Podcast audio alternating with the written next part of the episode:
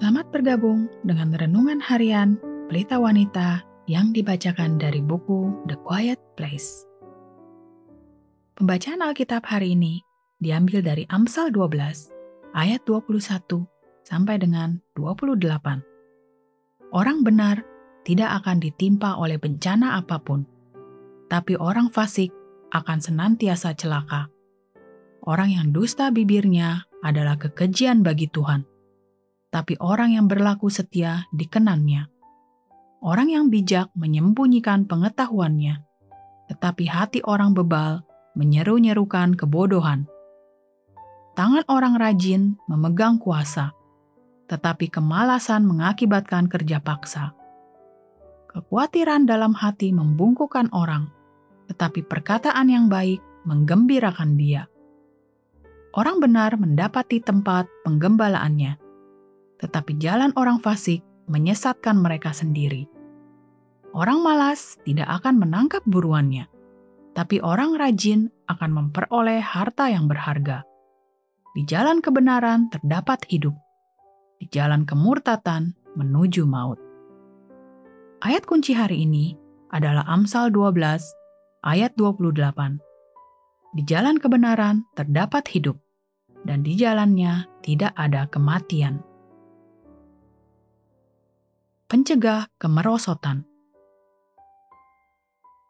Sungguh mengejutkan seberapa mudahnya rasa tidak bersyukur dapat masuk ke dalam pola kebiasaan kita. Tetapi sebenarnya hal itu seharusnya tidak mengherankan bagi kita, karena rasa tidak bersyukur adalah akar yang menumbuhkan dosa-dosa lain. Jika kita tidak memangkas akar itu, kita menyediakan bagi setan lahan yang luas untuk membangun toko kecil yang mengerikan di hati kita. Apakah Anda pikir saya mungkin sedikit melebih-lebihkan kasus ini? Baiklah, ketika Anda memikirkan bab pertama dari surat Roma, apa yang terlintas dalam pikiran Anda? Anda mungkin ingat bagaimana Paulus berbicara tentang murka Allah yang dinyatakan terhadap semua kefasikan dan kelaliman manusia. Contoh-contoh ini termasuk segala hal seperti pembunuhan, perselisihan, tipu muslihat, kejahatan, serta dosa-dosa lain, termasuk penyimpangan homoseksual yang diterima dan disetujuinya di dalam budaya kita. Hampir setiap hal buruk yang dapat Anda bayangkan tercantum di sini. Tapi apa titik awal untuk berbagai kegiatan keji ini?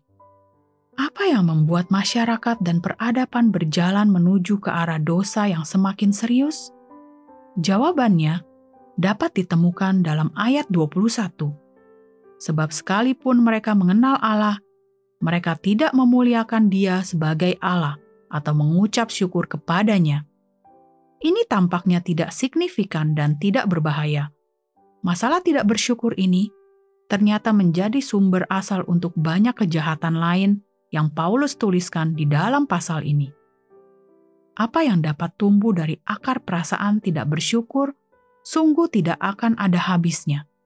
Ketika kita mulai menggerutu, berkeluh kesah, dan bersungut-sungut, kita mulai terpojok ke arah kerusakan yang dapat membawa kita ke kedalaman yang tidak pernah bisa kita bayangkan.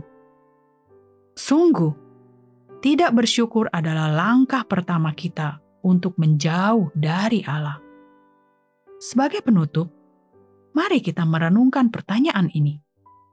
Dapatkah Anda mengidentifikasi bagaimana beberapa dosa yang berulang kali terjadi dalam hidup Anda berkaitan dengan kurangnya rasa bersyukur? Bagaimana hati yang bersyukur dapat membantu Anda mengatasi dosa tersebut?